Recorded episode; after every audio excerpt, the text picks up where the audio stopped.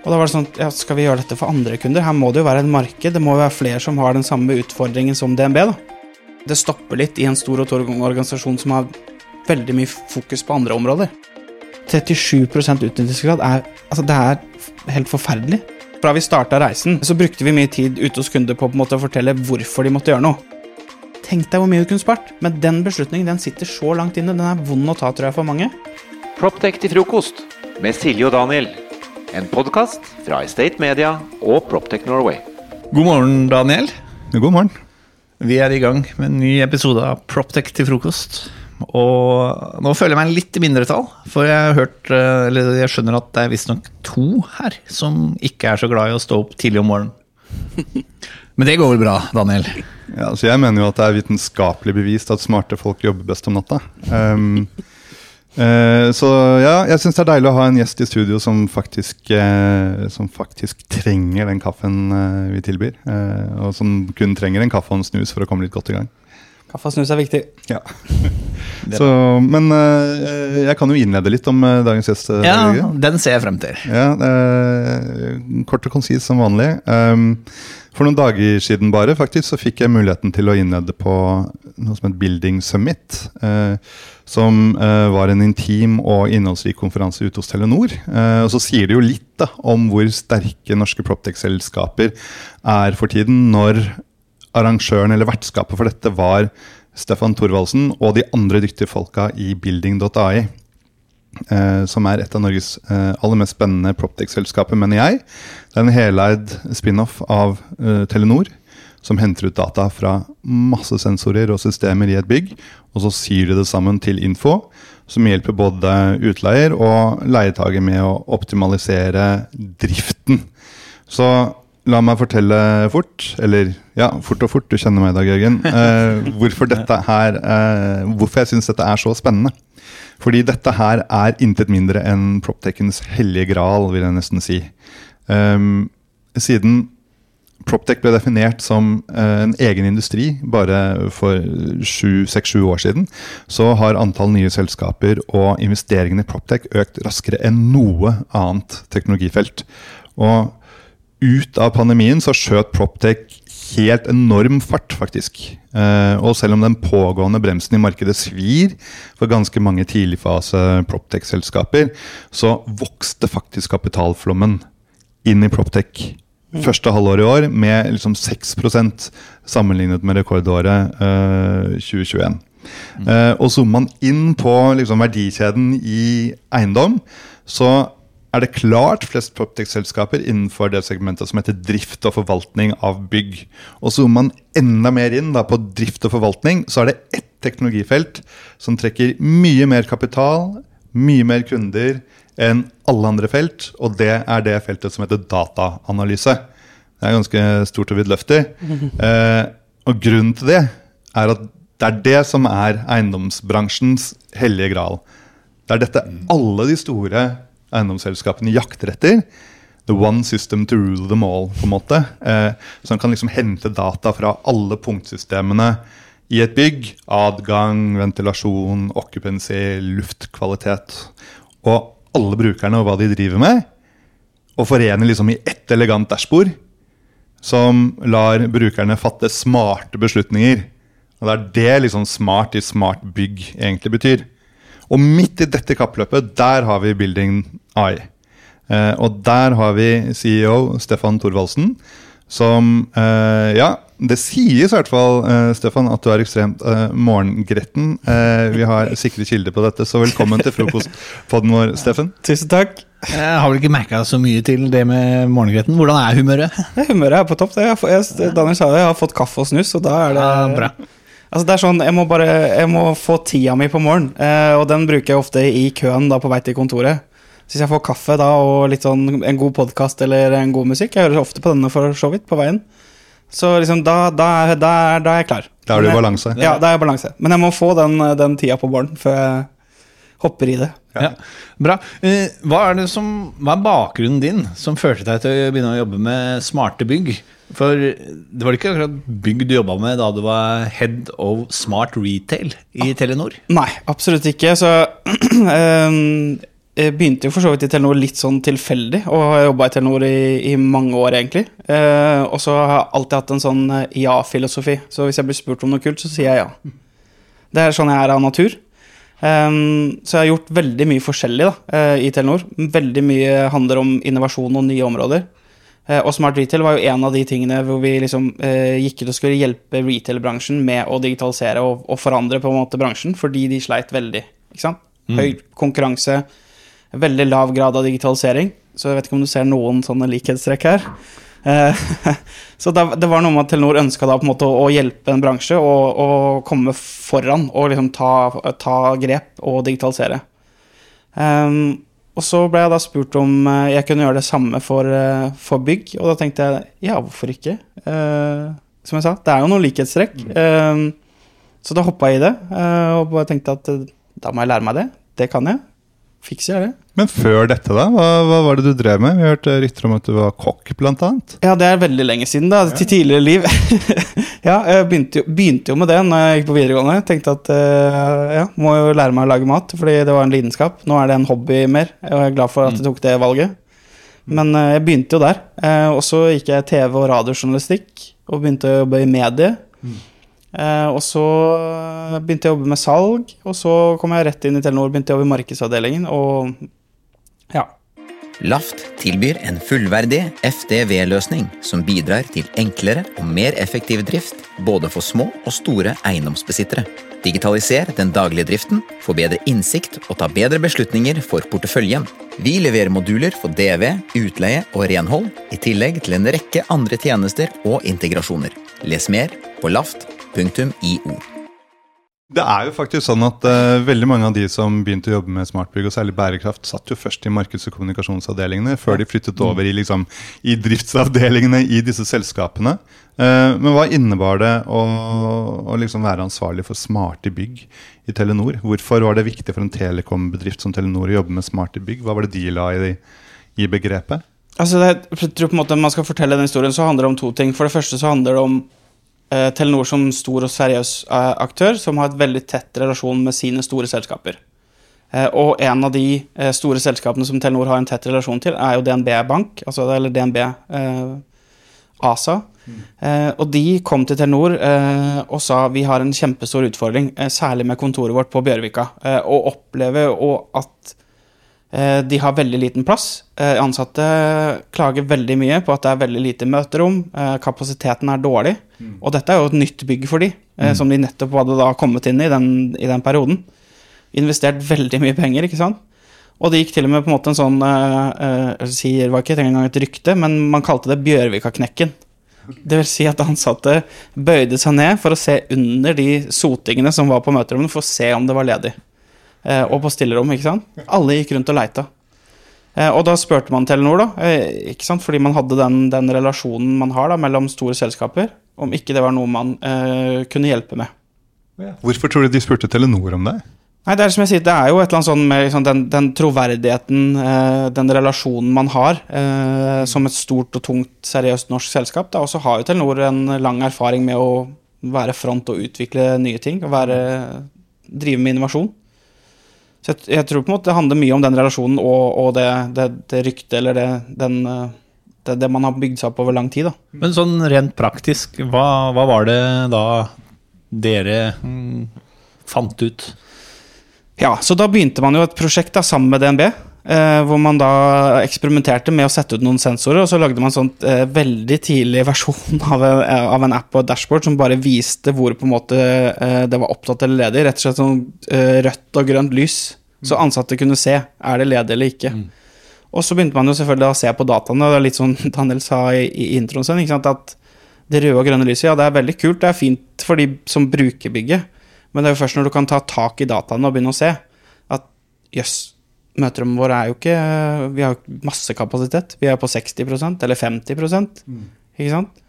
Eh, vi så jo for oss sjøl når vi begynte å installere på Fornebu, at vi hadde jo ikke noen dager over 47% liksom Forsvinnende lite.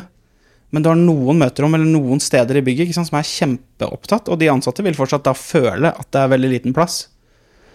Så sant, det er når du begynner å se på det, og det var det vi gjorde da med DNB, eh, og så så vi at liksom Dataene er jo veldig spennende, da. Og DNB syntes det var spennende, ikke sant. De syntes prosjektet gikk bra. Og da var det sånn ja, skal vi gjøre dette for andre kunder? Her må det jo være et marked. Det må jo være flere som har den samme utfordringen som DNB, da. Det kan ikke bare være DNB. Eh, og da var da jeg også kom inn, da, sant? for å begynne å tenke hvordan kan vi skalere dette og på en måte bygge det om fra en test og en pilot med én kunde til å ta det ut i et marked. Og det handler jo om på en måte å profesjonalisere hele greia.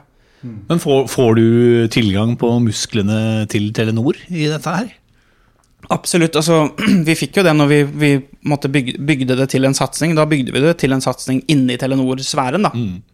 Eh, både i form av ansatte, men som jeg sier, vi gikk jo hele reisen med å profesjonalisere alt fra å outsource entreprenørkapasitet, som er ute og skrur og monterer sensorikk, til lagerhåndtering og, og, og, marked, og hvordan vi bygger opp måte, hele apparatet.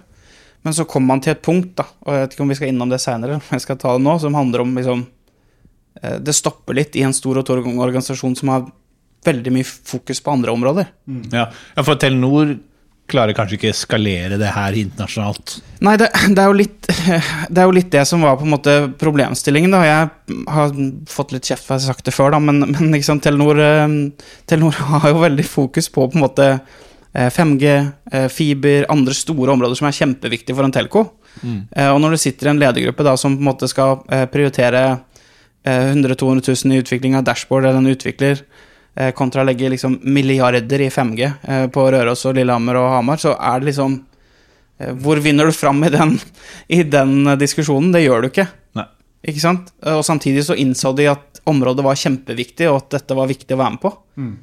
Så da begynte jo egentlig den liksom, tanken, da, hvor vi begynte å liksom, diskutere at um, Skal vi egentlig løfte det ut, da? Og for å få fart på det, sånn at vi får liksom, nok trøkk og nok fokus. Uh, for det får du ikke inn i en organisasjon som jeg sier, som hele tiden har uh, andre områder som brenner mye mer. Mm. Så da tok, dere, uh, da tok dere rett og slett skrittet ut Altså dere jobbet da med altså, møteromskapasitet og, og, mm. og sånn, menneskelig bruk av disse lokalene på innsiden. Mm. Og så tok dere og løftet dette ut mm. av Telenor. Mm. Og det var da dere fikk uh, dette navnet Building AI. Riktig. Uh, og ble da teleid datterselskap av Telenor. Mm. Hvordan, uh, hvordan, har den reisen vært? Oh.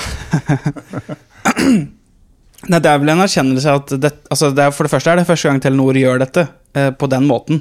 Å lage et startup-selskap inni et stort konsern.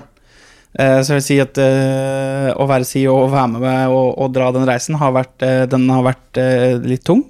Mm. Samtidig veldig lærerik og gøy. men det er klart, Telenor har jo ikke gjort dette før og ikke satt opp til å gjøre det, så vi har måttet finne opp alle tingene på veien mens vi går. Så det er den balansen mellom vi skal være et startup-selskap, vi skal være et mindset-startup-selskap, vi skal være små, raske, evne å teste, for det er også litt av greia hvorfor vi gikk ut. det er jo måtte kunne teste ny teknologi raskere da, enn du kan i et stort, tungt Telenor hvor alt må godkjennes i 50 eksemplarer med stempel før vi gjør det. Ja. Eh, ikke sant? Det funker dårlig. Ja. Mm. Jeg ser den. Eh, samtidig så har jo du da vært tolv år eh, i, i, Telenor før, før, Building, og du har fått med deg mye av hva selskapene innenfor tech gjør, og, og hvordan de har lyst til å jobbe med tech. Mm. Hvordan um, hvordan ser du liksom, på norsk proptech-bransje, liksom med den bakgrunnen du har? Eh, jeg har lyst til å si at det er litt treige. Bare si det. ja.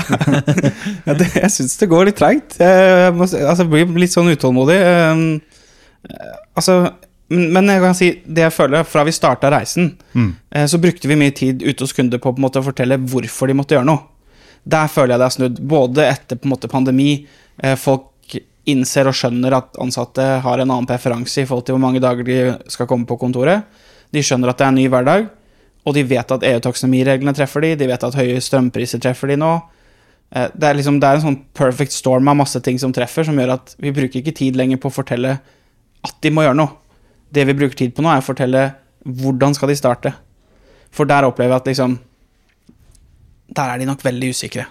Det å ta det skrittet, mm. og tørre å på en måte investere eller teste noe nytt, da.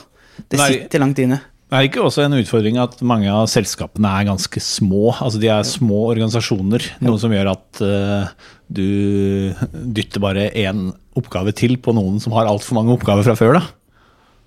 Jo, Jo, jeg, tror- jeg tror du er inne på noe der. Altså, det er jo ikke Det er jo Vi er jo litt heldige, for vi jobber både mot leietagere og mot på en måte byggeiere.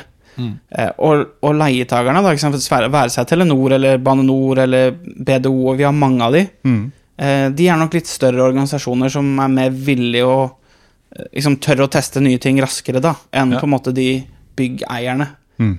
Eh, og da kommer man inn andre veien. Da er det jo leietageren som på en måte tar initiativet, som drar prosjektet, og som ønsker å gå i gang. Og så kommer jo gårderne litt løpende etter, da. Og blir litt tvunget inn et hjørne og skjønner at her må vi være med på den reisen sammen med leietageren vår. Fordi det er viktig. Det er et konkurransefortrinn for oss, og vi ønsker å beholde den leietageren. Mm. Med Life at Work fra VNI er alle byggtjenester samlet i én løsning. Med én og samme app for alt av adgangskontroll og parkering. Til booking av møterom eller matbestilling kan du som gårdeier ta grep om dine verdier og skape en enkel og sømløs hverdag for dine leietakere. Finn ut mer på vni.no. Men, men tror du, altså Nå har jo Telenor da fått en erfaring med å gjøre noe her. Tror du de vil gjøre mer innenfor Proptech øh, hvis de finner noe interessante muligheter? Det tror jeg. Uh, ja. Vi er vel Jeg vil alltid pleie å si at vi er veldig åpne for å se på både reisen til Building AI, hvor det, hvor det nå skal framover. Sånn konstellasjonen, skal vi, skal vi fortsatt være et heleid Telenor-selskap, eller skal vi ut og på en måte partnere opp, eller skal vi gjøre oppkjøp? Sånne ting er hele tiden på agendaen, eh, og Telenor er med på det eh, hele veien.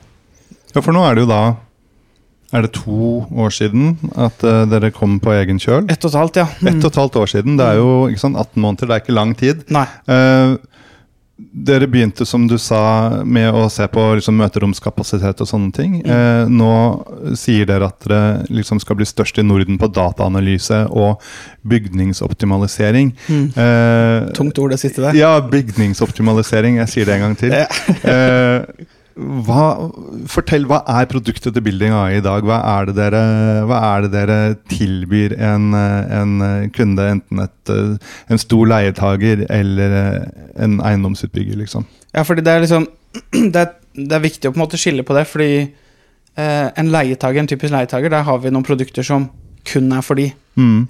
Så hvis jeg kan starte der og si på en måte for Det som er likt, da, det er jo dataplattformen vi har utvikla, som er til grunn for alt. Mm. Hovedproduktet vårt, det er dataplattformen. Og vi har utvikla en åpen dataplattform som kan hente data fra utrolig mange kilder. De fleste, pleier vi å si. Men så er det jo sånn da at uh, uansett hvor mange datakilder vi henter, og uansett hvor nytt bygget er, så er vår erfaring at det er ikke smart nok. Vi er nødt til å sette ut sensorikk i tillegg for å supplementere, da. For vi får ikke gode nok data ned på små nok områder til at det faktisk betyr så mye for kundene. Særlig hvis du skal se på eller har en utfordring rundt eh, Jeg tror jeg har, tror jeg har for mye plass nå etter, etter covid. Jeg trenger kanskje å se på om jeg trenger den plassen jeg har. Så må man kanskje ned på pultnivå for å se hvordan blir pultene brukt. Der finner vi ikke noe god data. Så vi må supplere med sensorikk. Det er ikke noe vi har veldig lyst til å gjøre. Det er ingen som syns det er supergøy å drive med. Hardware er aldri veldig gøy. Nei. Eh, Men vi må gjøre det i tillegg. Men dataplattformen er, det er hovedproduktet vårt. Men i tillegg til det for leietakerne så tar vi jo dataen vi henter og dytter ut i en app som er sentrert rundt brukerne av bygget. da. Mm. Så alle brukerne hos DNB eller hos kundene vi har, de får da denne appen hvor de kan eh, booke møter om integrert med Office 365, se on the fly, skanne på en QR-kode, gi feilmelding til vaktmester eller til renhold, Mm. eh, booke sykkelparkering eller garderobe, eh, kantine Altså det er alle ting og tjenester som på en måte sentrerer rundt bygget. Men den tjenesten er jo bare eh, viktig for de som er brukere og leietagere. Mens for, eh, for eh, byggeierne så er det jo mye mer rundt optimalisering, da. Som du sa, det er et vanskelig ord. Men der handler det mer om hvordan kan vi optimalisere de oppgavene. Men det, det må da, med de strømprisene man har nå, og øh, hvordan det koster Jeg så kvartalsrapporten til Entra, så tror jeg de Selv om de har veldig lite ledige lokaler, så de betaler ganske mye i strøm eh, fra de ledige lokalene. Til og Eh, så det må jo være noe Er det selling point nå som slår Ja, altså, ja og nei. Det er litt som jeg sier, at eh, jeg, føler jo fortsatt det sitter langt inne. Men jeg, jeg tror da min, min, eh, min tro, og så kan jeg godt bli arrestert på det Eh, Det handler jo om at de som tar denne beslutningen, kanskje sitter litt langt borte fra brukerne. Eh, og at, sant, det handler jo mye om endringsledelse også. For sånn som vi sier, da. Hvis du har et bygg på 30 000 kvm, og du vet jo at på mandag og fredag er det lite folk der. Ofte vet du ikke hvor lite folk det er, da, men du vet jo at det er lite folk. Eh, du har kanskje fire etasjer. Kanskje du kunne skrudd av tre etasjer. Og sagt at på fredag så kommer alle som skal på jobb, de går inn i første etasje og setter seg der. Resten av etasjene de skrur vi av. Vi varmer det ikke opp. Vi kjøler det ikke ned på sommeren. Vi skrur av lyset. Tenk deg hvor mye du kunne spart. Men den beslutningen den sitter så langt inne. Den er vond å ta, tror jeg, for mange. Hvorfor det? Jeg vet ikke. Det, det virker som det er vanskelig, liksom. Fordi våre data viser jo helt tydelig da hvor folk sitter i bygget, hvor de bruker det. Ikke sant? Og som jeg sier, at enkelte dager så er det forsvinnende lite folk. Og fortsatt så står på en måte eh, Det, det står på full varme. Det står på full kjøling på sommeren. Ikke sant? Og så akkurat som du sier, da. Tenk deg hva det koster nå. Mm. Eh, og så Én ting er hva det koster, men en annen ting er jo hvis vi snakker om miljøperspektivet rundt det. Hvor bra er det for miljøet at vi står og varmer opp utallige tusen kvadratmeter rundt om i hele Norge som ikke er i bruk? Mm. Det er ikke folk der. Møller Eiendom er tett på utviklingen av nye teknologiløsninger som forbedrer måten vi kjøper, utvikler og forvalter eiendom. Leverandørsiden er viktig driver for utvikling av bransjen og kundene våre. Tommy Hagenes, eh, vår kjære, vår kjære bergenser og, og, og Proptech-ekspert, eh, hadde jo hentet inn data fra Statistisk sentralbyrå på hvor mye strøm Norge, Norge som nasjon faktisk sparte på at eh, offentlige bygg, kontorbygg, skoler, barnehager osv. sto tomme og halvtomme under pandemien. Og, og, og svaret på hvor store de besparelsene var, er null. Vi sparte ingenting på at disse byggene sto tomme. Det er helt sjukt. Ja, det er jo helt sjukt, så det sier jo noe om potensialet. Og på, på Building Summit så nevnte jeg jo vår alles store helt eh, David Attenborough. Ja. Eh, som allerede for 20 år siden ikke sant, satt der på TV og sa at den teknologien vi trenger for å redde kloden, nok allerede finnes. Men at den eh, for å skalere må bevise at den er lønnsom. Altså at den funker på bunnlinjen ikke sant? til selskapene som skal ta den i bruk. Og Der tror jeg vi er inne på, på, på svaret på hvorfor, eh, hvorfor dette går så treigt.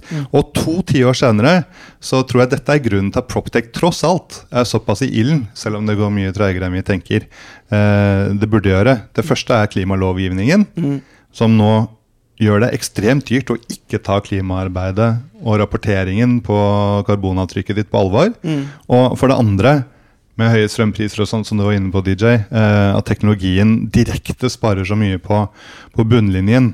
Så la, og du er inne på noen konkrete ting, f.eks. Telenor. Da Telenor skulle selge sine lokaler på Fornebu, de endte vel opp med å selge til Norwegian Property, Riktig. så var de opptatt av å se hvor store arealer de måtte leie tilbake fra huseier, og hvordan de kunne begynne tilpasningen av de lokalene. Eh, og da gjorde jo Building AI et dypdykk i dataene. Hva var det dere liksom så på? Hva var det dere fant ut da? Nei, ikke sant? Det, for det handler jo om, og det er ikke bare Telenor vi gjør, for jeg kan godt fortelle flere caser hvor vi gjør akkurat det samme nå. Vi har flere store kunder som er på vei inn eh, og skal leie nye lokaler, og ønsker på en måte å forstå hvordan de bruker dagens lokaler. Fordi da kan de jo kravstille de nye lokalene, ikke sant. Mm. Så det er ikke bare hvor mye de trenger, men det er også hvordan de bruker det. Men, men for å ta det eksempelet med Telenor, så, så handla det om å forstå eh, Vi hadde et stort, stort campus på Fornebu med mange bygg. Eh, og opplevde jo at vi hadde greit med plass, selv om noen ansatte syntes det var trangt. ikke sant? Men så begynner vi å sette ut sensorer. Eh, og måle faktisk bruk både av møterom, men av pulter og plasser og ikke sant? He hele bygningsmassen. da, Og så på, på en måte hvordan brukes det. Og da så vi at vi var nede på 37 enkelte dager. ikke sant? 37% utnyttelsesgrad er, altså det er helt forferdelig. Ja, når du har bygg på 100, er det 120 eller 60 eller et Ja, jeg tror det. Ja, Det er stort parkering, da, men Det- det, det er stort, er jo helt vanvittige summer, da. Ja. Og, og så da begynte man jo på en måte det forprosjektet før man skulle selge en, det er nesten et år i forveien ikke sant? med å, å sette ut sensor, sånn at man har gått godt og langt med data. For det er også viktig. ikke sant? Man kan ikke bare sette ut en sensor og, og la den stå i to uker og tro at man har god data. Sånn funker det ikke. Noen er syke, man har ferie. Liksom. Man må i hvert fall ha, ha et godt spenn med tid, sånn at man faktisk har et grunnlag godt nok. da. Men hvordan er businessmodellen deres da? Eh, Dere tar betalt for Vi tar betalt for plattformen. Eh, Også selvfølgelig sensoren i seg selv kjøper man jo. Eh, Så den, den kjøper man jo, så man får jo får litt, eh, litt på toppen av den. Det er ikke noe god business å drive med hardware. Uansett eh, hvem du er i, om du er Cisco eller Microsoft eller hvem du er, så sliter alle om dagen med hardware. Takket være at vi er i krig og alt som skjer. Eh, men det er jo på en måte eh, inntekten vår på plattformen som, som sensoren snakker til, og innsamling av den, som er inntektskilden vår. Men dere skulle bli størst, eller skal bli størst i Norden på dataanalyse og bygningsoptimalisering. Eh, hvordan ligger dere an? Ja, vet, det er et godt spørsmål, da. Eh, Hvem er konkurrentene? Nei, det er også et godt spørsmål. Nei, altså, jeg, jeg tror på en måte Hvordan vi ligger an, er fordi det er jo ikke noe Det er jo ikke en sånn transparent bransje hvor eh, som f.eks. Telenor er vant til å operere i, hvor det handler om antall antall uh, mobilabonnement, hvor man kan liksom helt klart måle og se hvor mange har Telia kontra Telenor. Mm. Sånn funker det jo ikke i vår bransje. Eh, men vi gjør det jo bra. Eh, vi ligger jo ganske greit an i forhold til måte, forretningsplanen. Jeg har eh, vunnet mange store kunder. eh, og får ganske mye trykk nå fra både Sverige og Danmark, for så vidt. Fra kunder som ønsker å, å jobbe med oss. Og så har vi har jo valgt selv da, at vi ikke skulle ut i Sverige og Danmark med en gang, men at dette første året handla om på en måte Norge, og skalere i Norge. Så jeg tror vi tenker jo på en måte at nå må- vi ta de forespørslene vi får, og, og se på det seriøst. Om vi går da ute i Danmark og Sverige neste år, eller hva vi gjør. Og du får være liten og kjapp på foten. Ja. Det er viktig, da. Det er viktig, det er, det er viktig å kunne være det. Ja, dere har jo en uh, stor og kapitalsterk uh, eier, ikke sant, som sikkert kan putte muskler uh, bak. Hva, hva, hva, hva tror du blir, blir veien videre? Blir det mulig for, for oss alle å investere i Building AI etter hvert? Jeg håper det. Jeg har veldig lyst til det. Jeg, jeg syns det er så kult. Så, så måte, vi brenner jo for dette hver dag, så jeg håper jo at vi, at vi kommer dit. At vi, kan, at vi kan få lov til det. Mm. Du sier at um, altså, dere snakker med mange ganske store aktører nå. Føler du at Føler du at lydhørheten eh, liksom har blitt, har blitt eh, større, tross alt? Eh, på liksom hva dataanalyse og slikt kan, kan gjøre. Jeg opplever jo det blant Proptech Norway's corporate-medlemmer, at dette er det de snakker om. Dette er det de snakker om at de skal samarbeide om, uh, istedenfor at alle sitter på hver sin tue og lager masse proprietær teknologi. Eh, eller hvorfor tror du ikke Proptech-revolusjonen går enda raskere når det er så mye lavthengende frukt? Jeg tror det ene ordet du brukte, er kanskje nøkkelen. Altså det med samarbeid. Fordi det er litt? Det, det er veldig mange gode ideer, det er veldig mye kul teknologi. Og så tror jeg på en måte at uh, litt av hovedutfordringen er at det er veldig mye silobasert. Så hvis vi liksom tar skrittet tilbake og setter oss på en måte i et, uh, et sete hvor vi er kunden uh, Hvis du skal gjøre noe, du vet at du må gjøre noe Så jeg tror det blir for komplisert, da.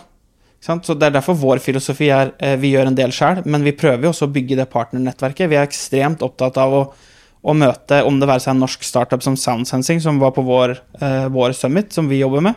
Vi ser hele tiden i hva som skjer i på en måte, det norske markedet, men vi prøver også å ha øynene ut, utenfor Norge, sånn at vi kan på en måte eh, vi kan skape et nettverk av folk som kan løse kundens utfordring, for vi kan ikke løse alt, vi heller, som selskap. Building Eye kan, vi kan levere masse kul data, vi kan levere masse kul innsikt, men det er områder som ikke vi kan, og da må vi eh, prøve å ha med oss partnere, sånn at til syvende og sist at vi klarer å løse på en måte helheten for kunden. Mm, Sound Sensing f.eks., som da lytter Ja. til tekniske anlegg og, og, og plukker opp uh, feil ved de anleggene før de liksom oppstår. En dritkul idé, ikke sant? Men, men for oss er ikke det kjernevirksomhet. For, for oss handler det om liksom, data og analyse, som, er vår, eh, som er vår kjerne. Men det å kunne supplere med å si vi har en kjempekul partner som også kan hjelpe dere med enda mer rundt drift. ikke sant? Mm. Og så ser vi på det samme nå rundt liksom, enda mer rundt energi og strømmåling. Eh, Vi ser på andre områder hvor vi kan liksom være ute og hente partnere. da. Eh, Sånn at vi til syvende og sist kan si til kunden eh, Kom til oss, vi eh, kan levere dette, men i tillegg har vi et kjempestort økosystem, og da trenger du ikke å forholde deg til 50 siloer eller kjempekomplekse problemstillinger. Da vi hjelper deg. Mm. Jeg tror vi må leie kundene litt og fortelle litt og liksom ja, samarbeide, rett og slett. da. Men når du lander disse kundene, hvordan feirer du da? Er det, er det små, sure shots og fireballs? Ja, det, det, det hevdes at dette her er noe du, som karakteriserer deg. Og da, og da, eh, og da vi ba selskapet eller Building Eye sende over et bilde av deg, så kom det et av deg i en sånn tigerdrakt. Å, for meg. Det er fra utrykningslag, jeg må bare si det. Det er, det er lov når det er utrykningslag man gifter seg. Ok, Så det er ikke casual friday? Det er ikke casual Friday. Men eh, Fireball er, eh, det er en god favoritt, det. Særlig på vinteren, når vi, den sesongen vi er på vei inn i nå. Når man har vært ute på ski, eller Da er det deilig å varme seg med litt Fireball. Så hvis du er et uh, stort uh, eiendomsselskap eller en stor uh, utleier så, så, og, og lurer på hva første skritt er, så er det bare å ta på seg tigerdrakten og kalle inn til møte. Kommer. Proptech til frokost med Silje og Daniel. En podkast fra Estate Media og Proptech Norway.